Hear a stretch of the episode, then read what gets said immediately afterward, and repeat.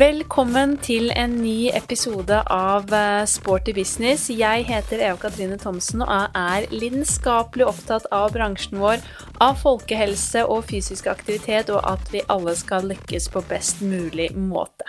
Det å jobbe i treningsbransjen, det syns jo jeg er utrolig givende, og det håper og tror jeg at eh, du som eh, hører på er helt enig. Men det er også krevende å jobbe i treningsbransjen, da det er en utrolig kompleks og sammensatt eh, bransje, der man møter en rekke ulike problemstillinger og utfordringer hver eneste dag, og i tillegg så skal vi forholde oss til mange ulike mennesker, og også kommunisere med dem på en god måte, respektere alle og enhver, og være gode, sunne rollemodeller og forbilder for de menneskene vi møter. Vi som jobber i bransjen, vi møter jo daglig ulike caser og utfordringer, og en av disse utfordringene kan være doping.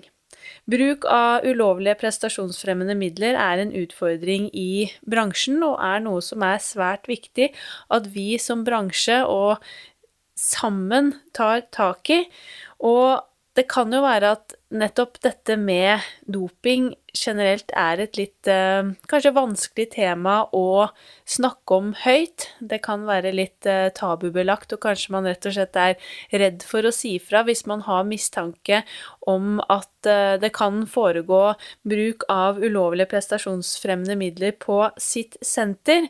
Men det er så utrolig viktig at vi tør å snakke om dette, at vi løfter dette temaet, at vi utdanner våre ansatte, og at vi rett og slett våger å snakke høyt om dette temaet, for det er faktisk en utfordring, og det er utrolig viktig at vi som folkehelseaktør tar avstand fra bruk av alle mulige ulovlige prestasjonsfremmende midler, og skaper en god og trygg kultur på alle landets treningssentre. Og vi ønsker jo å skape en kultur der det er helse i fokus, og alle de gode effektene, både fysisk og mentalt, som trening og fysisk aktivitet gir, fremfor f.eks. fokus på kropp og utseende. Dette temaet er noe jeg synes er utrolig viktig, og som vi alle bør ha kjennskap til, og vi bør også vite hva vi skal gjøre hvis vi f.eks. har mistanke om bruk av dopingmidler på vårt treningssenter. Og jeg har derfor vært på besøk hos eh, Antidoping Norge og snakket med Kaja Haugen om nettopp dette, om hvilke utfordringer treningsbransjen vår står overfor knyttet til doping, men også overdreven bruk av kosttilskudd om hvordan Antidoping Norge jobber inn mot treningsbransjen, og hva hvert enkelt senter, og også du som PT og gruppeinstruktør, kan gjøre hvis du har mistanke om bruk av doping på din arbeidsplass. Kaja Haugen hun har en master fra Norges eh, idrettshøgskole. Hun er også utdannet personlig trener, og jobber i dag i Antidoping Norge med nettopp forebygging og folkehelse. Så hjertelig velkommen til eh, Sporty business, eh, Kaja. Tusen takk. Veldig hyggelig å få lov til å være på besøk hos eh, Antidoping Norge i dag. Helt fra jeg startet denne podkasten, så har jeg hatt eh, antidoping på denne listen min, og hatt et veldig ønske om å komme hit til dere og snakke om dette med doping i treningsbransjen, hvordan dere jobber, og hvordan treningsbransjen generelt også kan håndtere dette på en bedre måte. Ja, så jeg tenker sånn, i starten så er det alltid hyggelig å bli litt bedre kjent med hvem du er. Så hvis du har lyst til å fortelle lytterne litt sånn om hvem du er, utdannelse, bakgrunn, og også kanskje litt eh, hvilket forhold du selv har til treningsbransjen? Ja. Jeg er jo da 26 år, eh, fra Bergen. Selv om dialekten min er litt uh, utvaska. Og jeg begynte vel Mitt forhold til treningssenterbransjen startet vel egentlig etter videregående, når jeg studerte til å bli PT. Da dro jeg til Bali sammen med mange andre og um, gikk et halvt års studium der. Eh, og så eh, møtte jeg der noen eh, veldig hyggelige jenter som kom fra NIH. Og snakket veldig positivt om NIH, så jeg ble kjempefristet. Så jeg begynte da på bachelor i sport management etter Bali. Og samtidig som jeg studerte, så fikk jeg jobb i SIO Atletica eh, som PT og instruktør, og jobbet egentlig som det underveis i hele studietiden, da. Eh, faktisk helt frem til nå. Så jeg har fortsatt to kunder igjen, selv om jeg er her. Ja, ikke verst. Det er hyggelig, da. Ja, det er veldig hyggelig. Jeg klarer ikke helt å gi slipp. Nei, ikke sant. Det skjønner jeg veldig godt. Ja.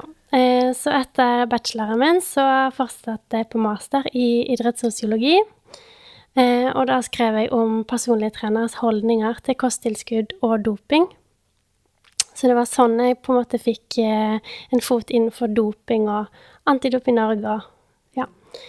Og så var det vel fem måneder før jeg leverte masteren, så fikk jeg jobb i administrasjonen i SIO Atletica som kvalitet- og markedskoordinator. Så da jobbet jeg der 100 mens jeg leverte masteren min. Så fortsatte jeg der frem til desember i fjor.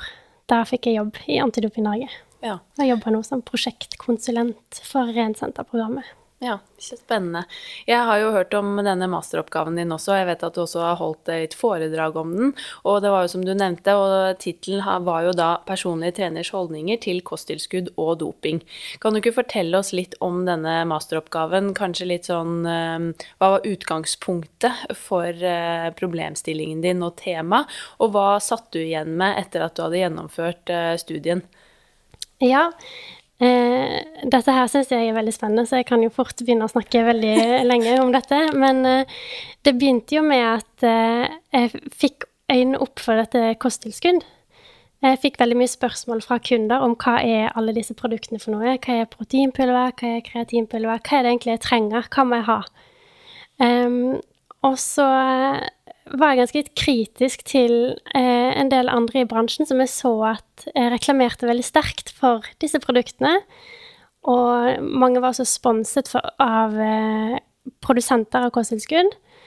Og så kjente jeg på at jeg hadde lyst til å undersøke litt nærmere om, om hva, hva, er, hva dette har betydning, hvorfor er det sånn, hva, hva er det slags holdninger som ligger i bransjen. Så det var egentlig kosttilskudd som var først utgangspunktet mitt. Eh, og så etter hvert som jeg leste mer om det, så kom jeg også naturlig inn på doping. Som eh, Så det kom litt til etter hvert. Eh, så da gjorde jeg en kvantitativ oppgave, en spørreundersøkelse, som gikk ut til eh, Jeg tror jeg sendte den ut til 2000 Peter i Norge, og fikk rundt 500 svar. Um, og når jeg skal presentere resultatene, da, så må jeg ofte snakke om de litt for seg sjøl. Først snakke om kosttilskudd, og så snakke om doping. Eh, når det gjaldt kosttilskudd, så viste min eh, undersøkelse at eh, personlige trenere er positive til kosttilskudd, og de føler at det har en funksjon, at det er nyttig. Men de oppga at de ikke hadde så mye kunnskap om kosttilskudd. Eh, og ifølge den teorien som jeg brukte da, som er en sosialpsykologisk teori som heter Theory of Planned Behavior, så var det derfor ikke naturlig at en PT anbefaler kosttilskudd videre i samtale med kunden. Og jeg hadde også et spørsmål som gikk på det. Anbefaler du kosttilskudd til kundene dine? Og da svarte de fleste nei. Eh, men eh, holdninger de spres jo ikke bare ved hva man sier. Det spres jo også med hva man gjør. Så det er naturlig å tenke at eh, det er mange PT-er som de kanskje blander shaken sin i resepsjonen, tar med seg shaken ut på treningssenteret, og det her har jo også en påvirkning på kundene. PT-ene er jo forbilder for veldig mange, og når det står PT på ryggen din, så tror jo medlemmene at man kan alt som gjelder trening, kosthold, helse, eh, og man eh, ser gjerne opp til PT-en og lurer på hva er det de gjør. Sånn vil jeg også gjøre det. Um, også når det gjaldt doping, så er jo doping ganske vanskelig å undersøke i statistikk, fordi at det er veldig skambelagt. Det er tabu å si at du har brukt eller har positive holdninger til doping. Um, sånn at eh, ikke overraskende så viste mine undersøkelser at de fleste PT-ene er negative til doping. Eh, og de har eh, forholdsvis lite kunnskap om doping, og de føler også at eh, omgivelsene rundt og andre også er negative. Um, så ja. Jeg tenker i forhold til doping, så er det som du sier, det er tabu tabubelagt, og det er ikke noe man på en måte forteller høyt, i så fall hvis man uh, har i det hele tatt brukt eller vært borti det.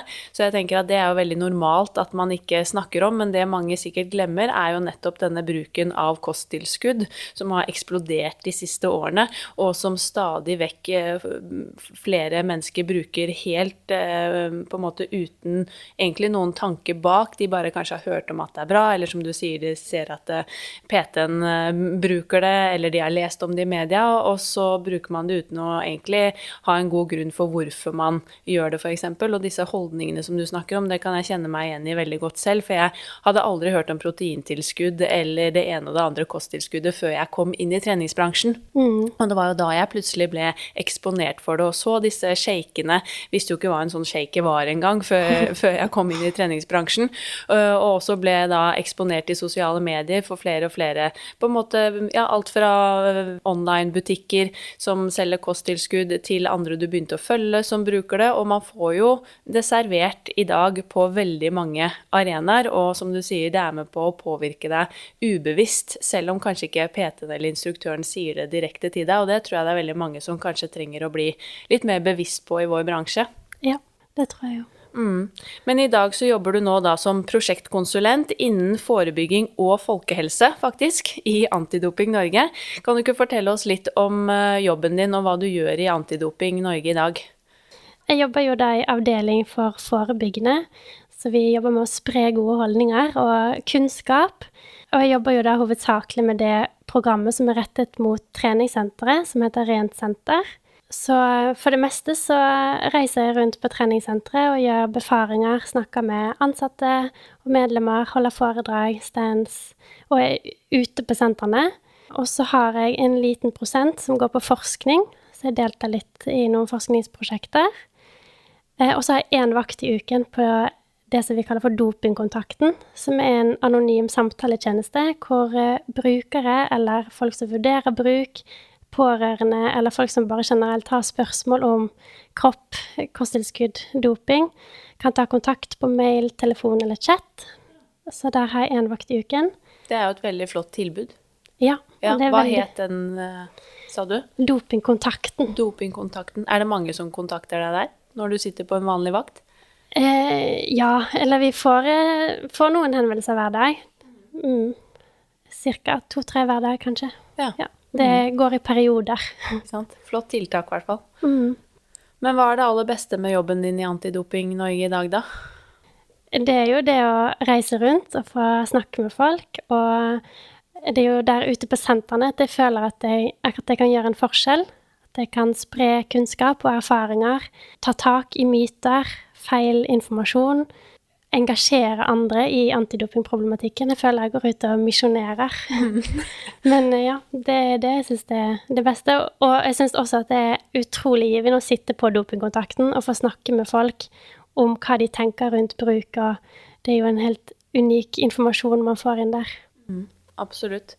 Mange som jobber i treningsbransjen i dag, de tror jeg jo kjenner til eh, Antidoping Norge gjennom dette programmet som dere har, som kalles Rent senter. Og det er i hvert fall tror jeg var mitt første egentlig møte sånn sett med Antidoping Norge også, var gjennom Rent senter. Mm. Og jeg har tatt disse e-læringstreningsprogrammene, eller programmene, som dere tilbyr, og har jo jobbet på senteret som da har vært en del av Rent senter. Men eh, kan du fortelle litt mer om hva Rent senter-programmet går ut på, og hvordan dere jobber med dette programmet knyttet til treningsbransjen? Ja, Hensikten med programmet er jo å forebygge doping, og så ligger det også en del verktøy for å håndtere en eventuelt mistanke ute på sentrene. Og programmet bygger på en sertifiseringsprosess som begynner med at senteret sjøl tar et standpunkt, at vi ønsker å være imot doping, og så tar de kontakt med oss og, og sier at de ønsker å bli et rensenter. Så det er ikke noe vi presser over på noen sentre, det, det må komme fra senteret sjøl. Og så er det da en del eh, punkter som de må igjennom for å bli sertifisert. Og det innebærer bl.a. at de må hente inn konsesjon fra Datatilsynet for å kunne gjøre eh, kontroller, hvis de skal det. Alle ansatte må gjennomføre e-læring, som vi sørger for et minimum av kunnskapsnivå ute på sentrene blant de ansatte. De må innlemme et punkt i medlemsavtalen sin som sier at eh, som medlem her så kan du bli testet fordi at vi er et rent senter. Ja, og når disse punktene da er gjennomført, så må de godkjennes av oss, og så blir de sertifisert. Og da er de sertifisert for tre år før de må resertifiseres. Og da er det egentlig sånn at når man er blitt sertifisert, det er da jobben begynner. Det å sette antidopingbudskapet på agendaen jevnlig, det er veldig viktig, da. Fordi at disse plakatene og klistremerkene de kan fort bli en del av inventaret etter hvert. Så da er det opp til de ansatte at de følger opp med rutiner hvis det er mistanke, at de gjør det de skal. Ja. Mm. Hva inneholder Rent senter-programmet sånn eh, konkret fra deres side? Hva er det treningssentrene får når de blir sertifisert Rent senter? Der får de tilgang til denne e-læringen, som eh, er på en måte basen for den kunnskapshevingen som vi mener er viktig. De får råd og veiledning fra oss, eh, spesielt hvis det er noe mistanke på sentrene. Så er vi der med vår kunnskap og erfaring og støtte. Eh, de får også muligheten til å gjennomføre en dopingkontroll. Det er jo da en ekstra kostnad, men sentre som ikke er rent senter, kan jo da ikke gjøre det. Og så er det jo en del materiell. De får bruke det i markedsføringen, på nettsider, i kontrakter, på klær. Ja. ja. Det er vel det som er sånn helt grunnleggende i pakken. Mm. Hvor mange sentre i Norge er det som er en del av Rent senter i dag? I dag så er det rett i underkant av 550 sentre som har en avtale med oss. Ja, det er jo fantastisk. Ja. mm, veldig, veldig bra. Men hvordan jobber Antidoping Norge sånn også generelt inn mot eh, treningsbransjen? Gjør dere andre tiltak? Du nevnte jo at du reiser rundt. Reiser du da rundt i sentre som ikke er en del av Rent senter også? Holder dere foredrag, kurs, workshops? Gjør dere andre tiltak? Ja, det er hovedsakelig treningssenter som er Rent senter jeg reiser rundt på. Um, men vi gjør jo uh, kurs og foredrag, så klart. Uh, I tillegg så samarbeider vi en god del med virketrening, sånn overordnet. Uh, bruker mye tid på å, utvikle programmet, finne ut hva er det egentlig bransjen trenger og ønsker. vi er også med Helsedirektoratet i det prosjektet de har nå om anbefalinger av styrketrening. Um, så sånn overordnet så er vi med på mye. Og vi holder også på å um, utforme et kurs for PT-er spesifikt, som nå skal bli tilbudt Eller kommer vel nå ut til, til høsten. Ja. Så det ble jeg faktisk spennende. invitert til, men så kunne jeg ikke den dagen. Det var veldig synd, men jeg fikk litt informasjon om det, og det hørtes ut som et uh, kjempefint kurs, og det tror jeg det er uh, god bruk for. Og kanskje man kan også lage minikurs for instruktører eller generelle aktører i bransjen også på sikt. Ja, absolutt. Mm. Men eh, når det gjelder dette med doping eh, slash kosttilskudd i treningsbransjen eh, Jeg kan veldig lite om det rent personlig, men hva er det dere klassifiserer f.eks. da som doping? Hva er kosttilskudd? Bare sånn at vi får disse begrepene og definisjonene litt eh, forklart og beskrevet. Ja, eh, doping er jo definert som prestasjonsfremmende midler, og hva som er klassifisert som doping, det står på en liste som heter Dopinglisten. Så der finner man hva som er doping. Og så er det også sånn at en del kosttilskudd inneholder dopingmidler uten at det er deklamert på innholdslisten. Så akkurat skillet mellom kosttilskudd og doping, det kan være litt sånn blurry av og til. Eh, men det er et skille der, da. Ja. Men er det mange tilfeller i Norge og i treningsbransjen i dag av uh, dopingmidler og bruk av dopingmidler? Eh, det blir feil å si at det er mange tilfeller. Um, det er jo heller sjeldenheten, men det fins. Det er gjort noen studier som kartlegger hvor mange som bruker det. Problemet med det, som jeg nevnte i sted, at det er veldig tabubelagt og stor sjanse for at folk underrapporterer når de blir spurt på et spørreskjema om de har brukt doping. Og de undersøkelsene som er blitt gjort, har også kun spurt om anabole androgene steroider, som er ett dopingmiddel blant veldig mange. Um, men de undersøkelsene som er blitt gjort, de viser at det er 2-3% ca. i befolkningen i Norge i dag som bruker dopingmidler.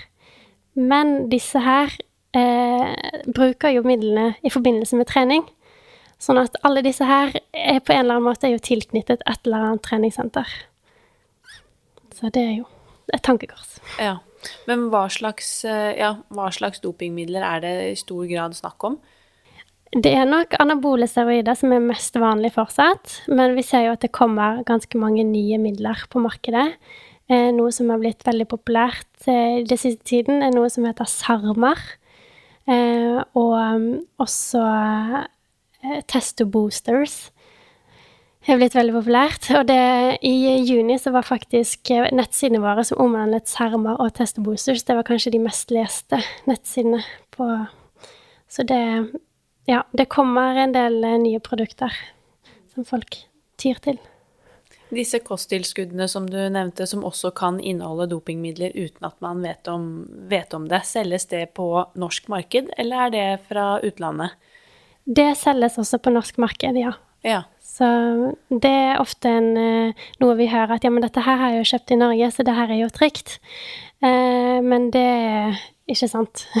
Skjønner. Så da kan, hvis folk er uh, usikre eller har lyst til å sjekke det ut, eller treningssentre eller folk som jobber i bransjen, så anbefaler du dem da å gå inn på denne dopinglisten for å kunne undersøke innholdsfortegnelsen i sånne type kosttilskudd, f.eks. Er det der de finner svar på det? Eh, ja, eh, vi har jo noe som vi kaller for liksom høyrisikoprodukter. Så, og dette er produkter som hevder at de er fettforbrennende Eh, de kan, er hormonregulerende, type sånn testoboosters. Um, ja, eller de kan gi muskelvekst. Disse type tre produktene er, har stor risiko for å være forurenset, og da vil det ikke nødvendigvis stå på innholdslisten at de inneholder noe ulovlig. Um, men hvis du går på en butikk i Norge i dag og kjøper over en skranke, så kan du være ganske så sikker på at det er trygt. Um, du kan aldri være helt 100% men du kan være rimelig sikker. Så det jeg ville vært obs på, er eh, når du kjøper på nettet, og du skal kjøpe disse type høyrisikoproduktene, så går det an å f.eks. ta kontakt med oss på Dopingkontakten, så sjekker vi produktet for deg. Eller så vil jeg rett og slett bare prøvd å vurdere opp kost-nytte. Er det verdt det? Trenger jeg det virkelig? Um, ja. Veldig, veldig godt poeng, for i utgangspunktet så trenger vi det jo ikke.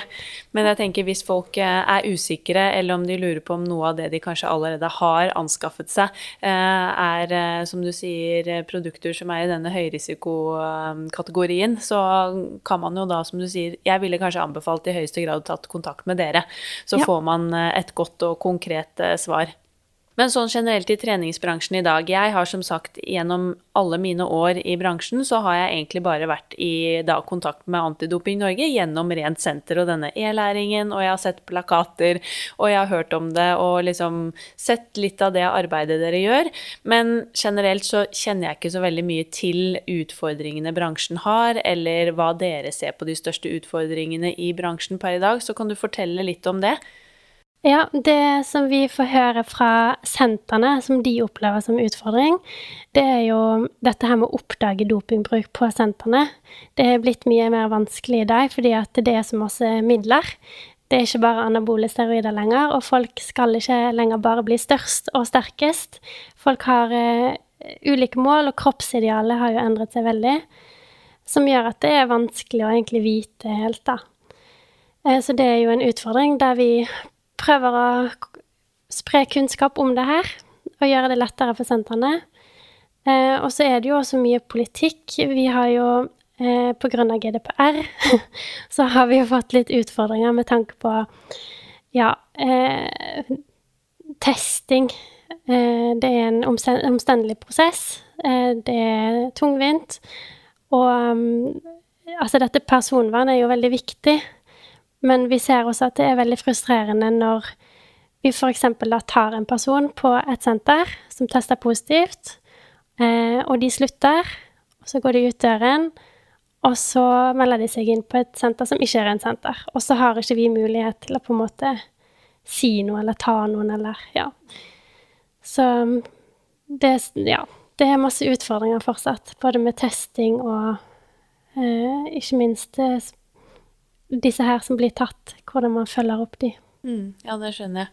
Men uh, som ansatt da på et treningssenter, hvis man uh, kommer over bruk av ulovlige prestasjonsfremmende midler på sitt senter, hva skal man da gjøre?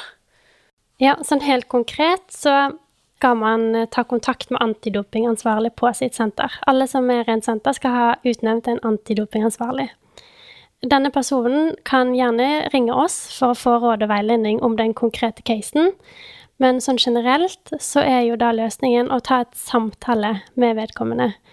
Og i løpet av denne samtalen så skal man avdekke om det er grunnlag for mistanke. Eh, målet med samtalen er at man til slutt skal legge frem et skjema hvor vedkommende skal skrive under på om at de lar seg teste. Og hvis de velger å ikke skrive under på det skjemaet, så har man da hjemmel til å kaste ut medlemmet i to år. De, eller de ansatte som er på senteret som ikke er en del av Rent senter, eh, hva kan de gjøre? Hvis det er mistanke om bruk, så vil jeg absolutt anbefale å ta kontakt med oss og eh, kanskje vurdere å bli et rent senter. Nå er det jo også sånn at det er noen sentre som tar kontakt med oss og vil bli et rent senter, som, som vi sier nei til. Fordi at de har et miljø eller noen holdninger som ikke er forenlige med det å være et rent senter. At det, det vanner ut til det rent-begrepet. Og da har vi et alternativt opplegg for de. Da bruker vi denne dopingkontakten, tjenesten, er kanskje ute, og, og da kommer vi ikke med antidopingtøy og er veldig synlig, men at vi dukker opp i treningstøy og heller prøver å snakke med medlemmer og ansatte om doping, om bruk. Har med oss eh, brosjyrer som viser hvor man kan søke hjelp, og heller hjelpe dem på den måten. Og så er det også veldig bra å ta kontakt med politiet.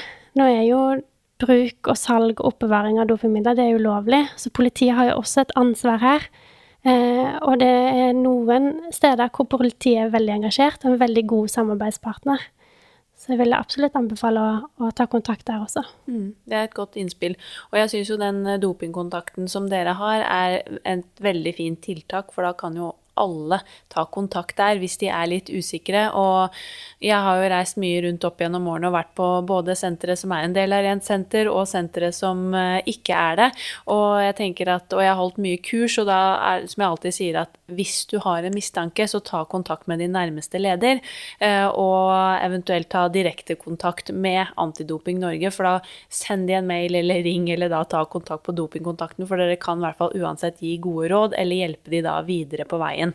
Ja. Men jeg har også faktisk vært borti eh, en som fortalte meg en gang at eh, eh, denne personen da oppdaget bruk av doping på sitt senter, eller i hvert fall mistanke. Mm. Og de var da ikke en del av Rent senter, tok kontakt med ledelsen, hvor ledelsen velger å ikke gjøre noe med det. Hva tenker du om det, og hva skal da denne ansatte gjøre, som kanskje også syns det da er litt problematisk å ta det videre hvis på en måte ledelsen ikke ønsker å ta det videre? Ja, det er jo dessverre sånn at det er ikke første gang jeg hører om det. Og det er vanskelig. Det er kjempevanskelig, fordi at eh, det er på en måte ledelsens ansvar. Det er de som må sørge for at det er et godt miljø på senteret, både blant de ansatte og de som trener der. Men hvis man har konkrete mistanker om en person, så vil jeg fortsatt tatt kontakt med politiet. Fordi at eh, det er kjempeskummelt å la en person som kanskje til og med selger dopingmidler, gå på senteret, få kontakt med masse unge, kanskje er et forbilde, fordi at um, hvis de ser bra ut, så blir man jo fort et forbilde. Og det, jeg har hørt så mange eksempler om folk som rekrutterer nye på senteret. Så det, det er viktig å ikke lukke øynene for det og tenke at det går over av seg selv, fordi det gjør det ikke. Nei.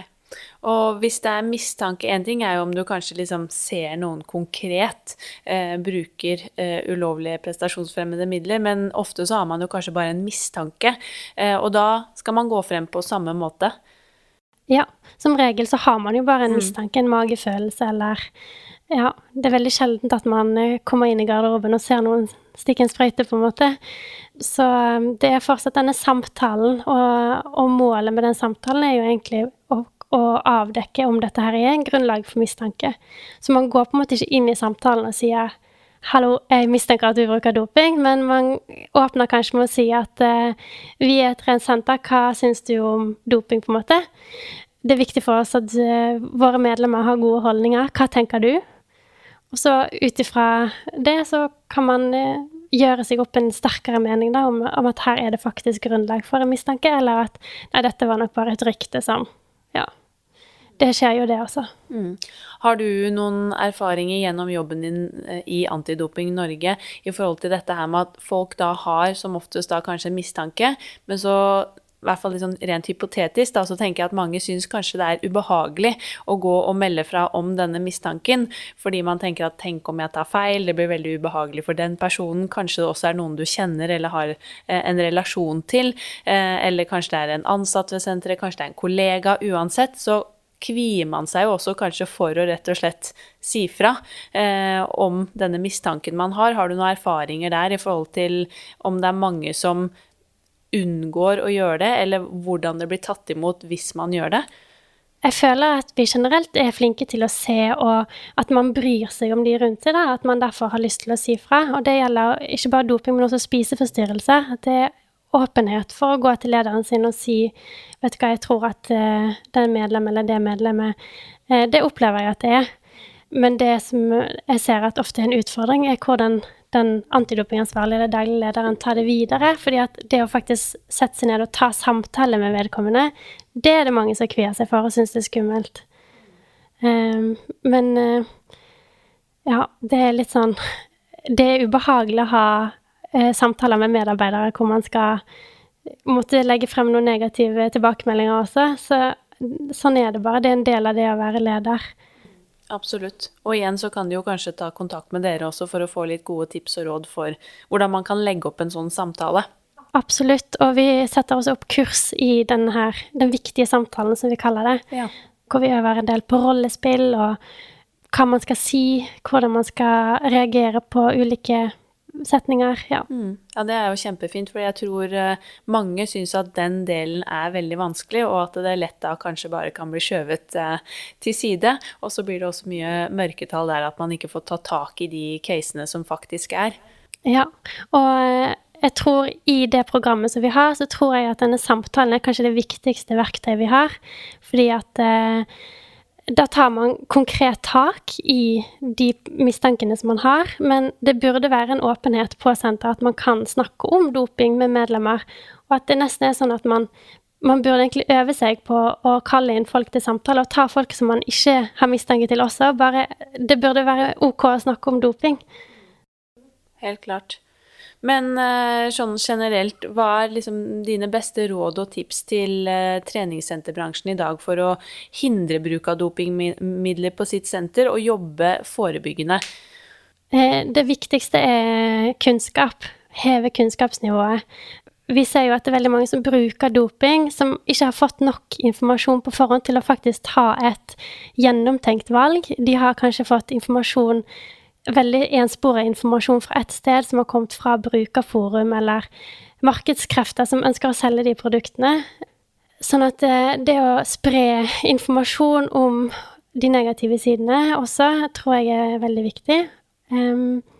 Og ikke minst sørge for at det er et godt miljø på treningssenteret hvor fokuset er på treningsglede og eh, helsegevinst kontra utseende og prestasjon de som er del av Rent senter-programmet, de får jo en del verktøy fra dere hjelp, mm. som hjelp i denne prosessen.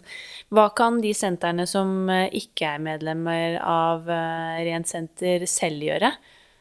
Eh, det er mye av informasjonen som ligger ute, som er også tilgjengelig for alle. Så det å øke kunnskapsnivået, sørge for at det er gode holdninger på de du ansetter, som holdningene til de ansatte spres jo over på medlemmene. Og ikke minst ta det på alvor. Ikke være naiv. Hvis du har en mistanke til noe, ikke tenk at det går over seg sjøl, men ta tak i det, da. Sørge for at det ikke utvikler seg et, et dårlig miljø på senteret ditt, fordi det kan bli veldig vanskelig å bli kvitt. Ja, og det er bedre å si fra en gang for mye enn en gang for lite. Ja, og, um, og det å ha et rykte på seg for å være noen som tar tak i det her, det er bare positivt. Jeg vet også at det er en del som kvier seg for å ja, ta kontakt med oss eller ta kontakt med politiet fordi at de er redd for at da får de et rykte på seg at her foregår det doping. Men det er jo tvert om, at når de faktisk tar kontakt med oss eller tar kontakt med politiet, så ser man at men her tar de faktisk tak i det.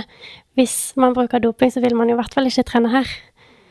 Og da får man kanskje flere av de medlemmene som man har lyst til å ha, da. Ja, veldig godt poeng. For igjen, som du sier, det også kan jo kanskje oppleves som litt tabubelagt bare å løfte det frem, men at det er eh, faktisk eh, rake motsetning.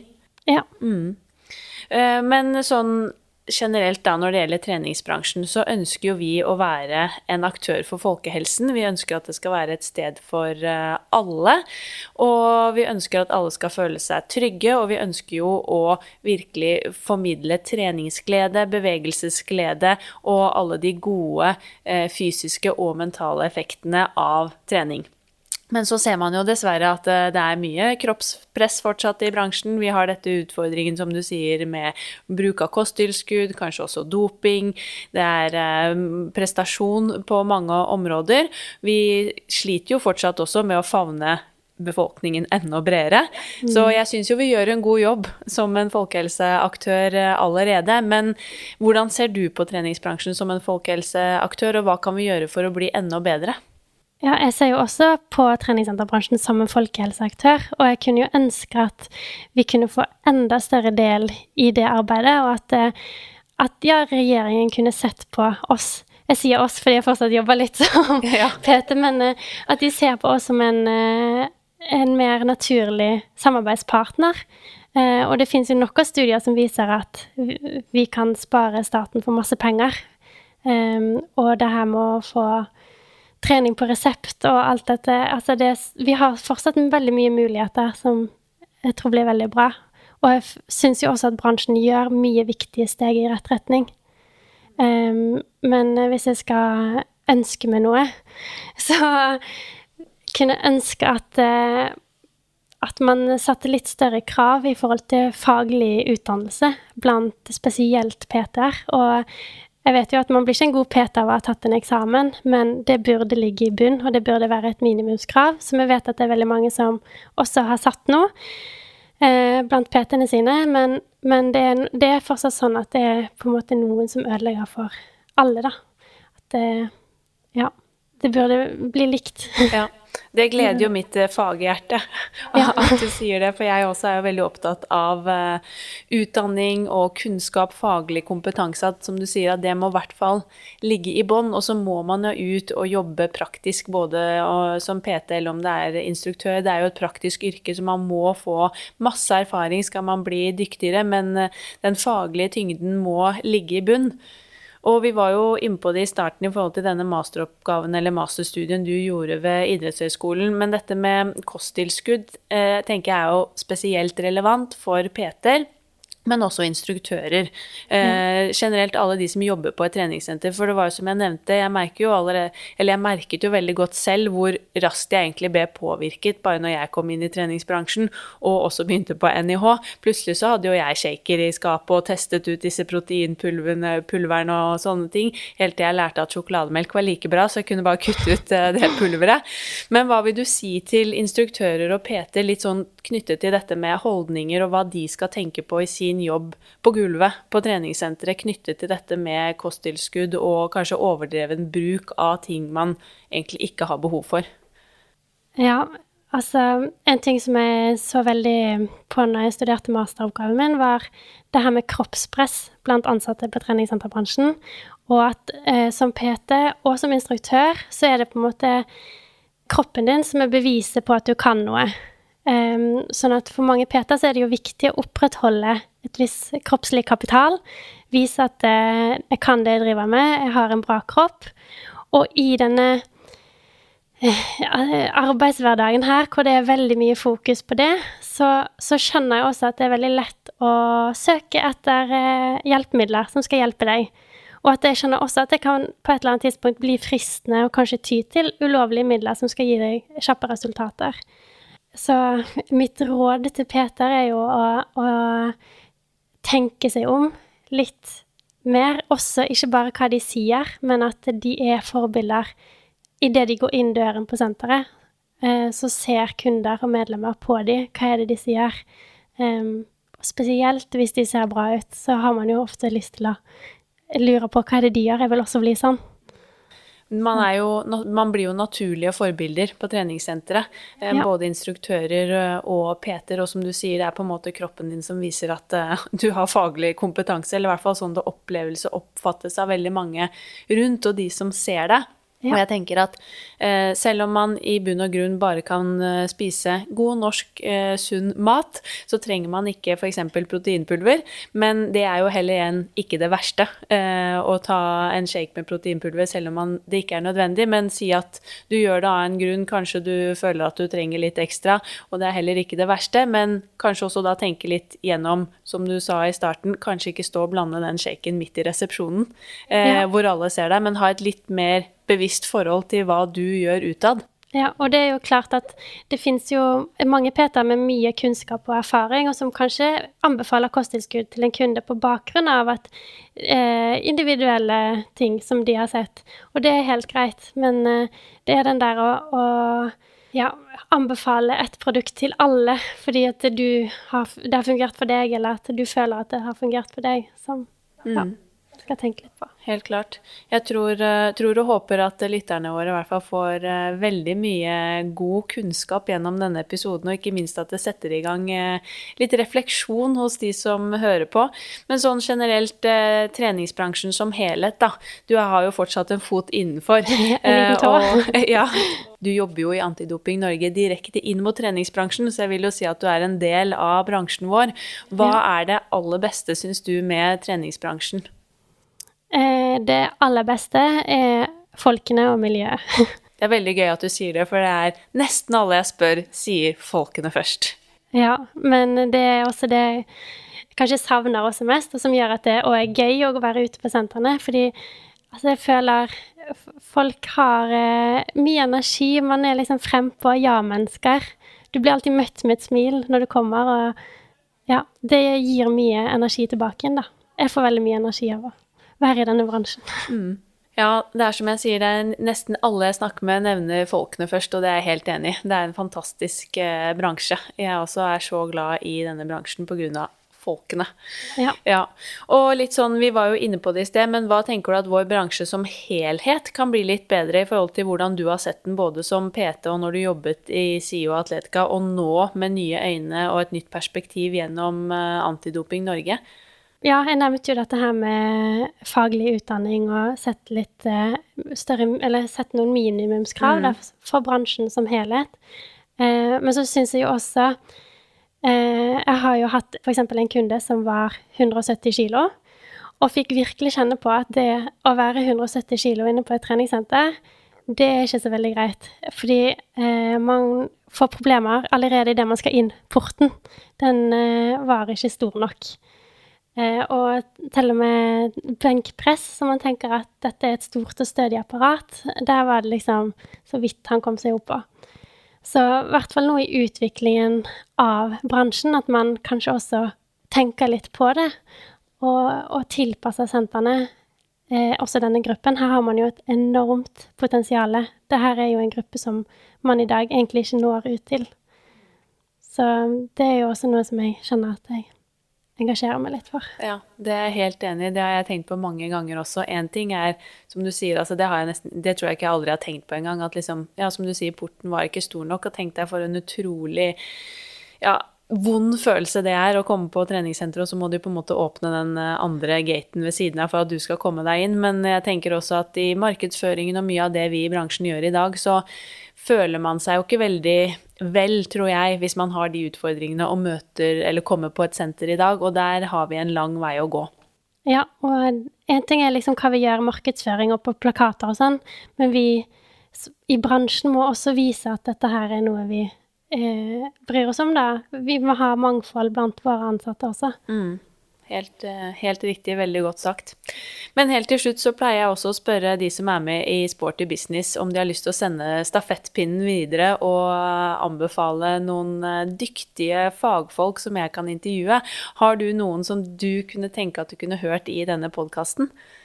Ja, eh, veldig ofte når jeg er ute på sentrene og spør eh, ja, er det noe doping her, så får jeg høre at nei, ikke så mye doping, men vi har en del spiseforstyrrelser. Og vi har jo hatt et samarbeid med ROS, som er rådgivning om spiseforstyrrelser. Og jeg vet at eh, Mari Aurum, som er senterleder i Oslo Akershus, hun har et prosjekt gående nå ut mot treningssenterbransjen som er kjempespennende. Og um, jeg tror det hadde vært veldig lærerikt og interessant for denne podkasten. Ja, veldig, veldig godt innspill. Det skal jeg notere meg på listen. For det er også et uh, tema jeg brenner veldig for, og som jeg selv har opplevd mange ganger å møte på den problemstillingen i treningsbransjen. Så der igjen trenger vi også mer kunnskap blant uh, oss som jobber i bransjen. Ja. Jeg syns det har vært eh, utrolig spennende og lærerikt å snakke med deg. Jeg tror også lytterne kommer til å sette veldig stor pris på denne episoden. Jeg har i hvert fall lært veldig mye nytt, og ikke minst det har satt i gang refleksjon også hos meg, så jeg håper det har gjort det hos flere. Så tusen hjertelig takk for at du tok deg tid og ville dele kunnskap med oss. Jo, det var veldig hyggelig å bli spurt.